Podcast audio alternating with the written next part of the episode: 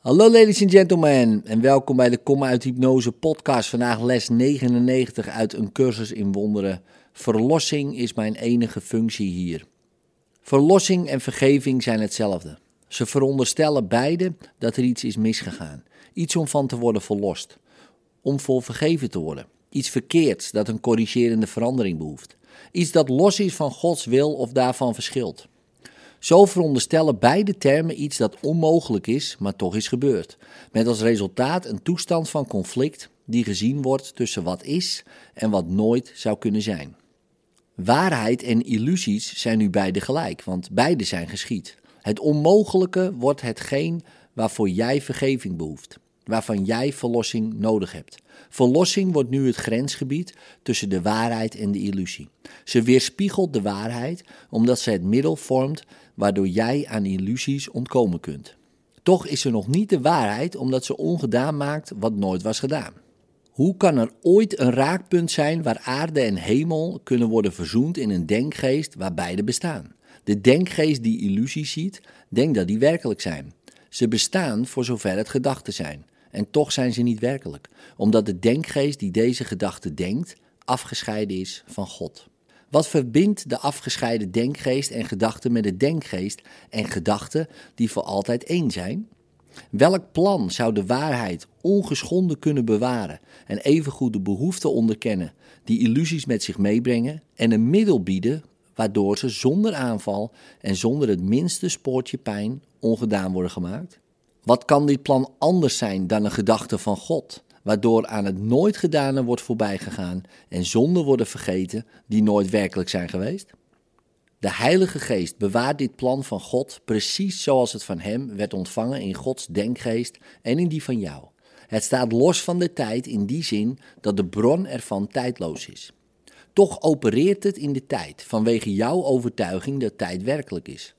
Ongeschokt kijkt de Heilige Geest naar wat jij ziet: naar zonde, pijn en dood, naar verdriet, afscheiding en verlies. Toch weet hij dat één ding nog altijd waar moet zijn: God is immer liefde. En dit is niet zijn wil.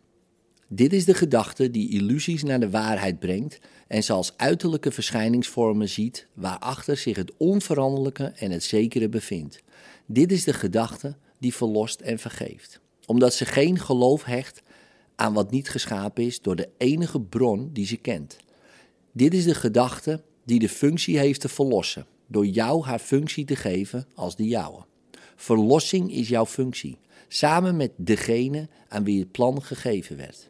Nu is dit plan aan jou toevertrouwd samen met hem. Hij heeft één antwoord op uiterlijke verschijnselen, ongeacht hun vorm, hun omvang, hun diepte of enige andere eigenschap die ze schijnen te bezitten. Verlossing is mijn enige functie hier. God is immer liefde en dit is niet zijn wil. Jij die nu wonderen zult verrichten, zorg ervoor dat je het idee van vandaag goed toepast. Tracht de kracht te bespeuren in wat je zegt, want dit zijn woorden waarin jouw vrijheid ligt. Jouw vader heeft je lief. Heel de wereld van pijn is niet zijn wil. Vergeef jezelf de gedachte dat hij dit voor jou heeft gewild. Laat dan de gedachte waarmee hij al je vergissingen vervangen heeft, doordringen in de duistere gebieden van je denkgeest, die de gedachte dacht die nooit zijn wil zijn geweest. Dit deel behoort God toe, evenals de rest.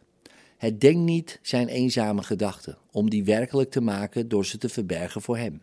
Laat het licht binnen en je zult geen obstakel zien voor wat hij voor jou wil. Leg je geheimen voor zijn vriendelijk licht bloot en zie hoe helder dit licht nog altijd in jou schijnt. Oefen zijn gedachten vandaag en laat zijn licht alle duistere plekken opzoeken en verlichten en er doorheen schijnen, zodat ze worden verenigd met de rest. Het is Gods wil dat jouw denkgeest één met de zijn is. Het is Gods wil dat hij maar één zoon heeft. Het is Gods wil dat jij zijn enige zoon bent. Denk hieraan bij het oefenen vandaag en begin de les die we vandaag leren met deze onderwijzing in de weg der waarheid. Verlossing is mijn enige functie hier. Verlossing en vergeving zijn hetzelfde.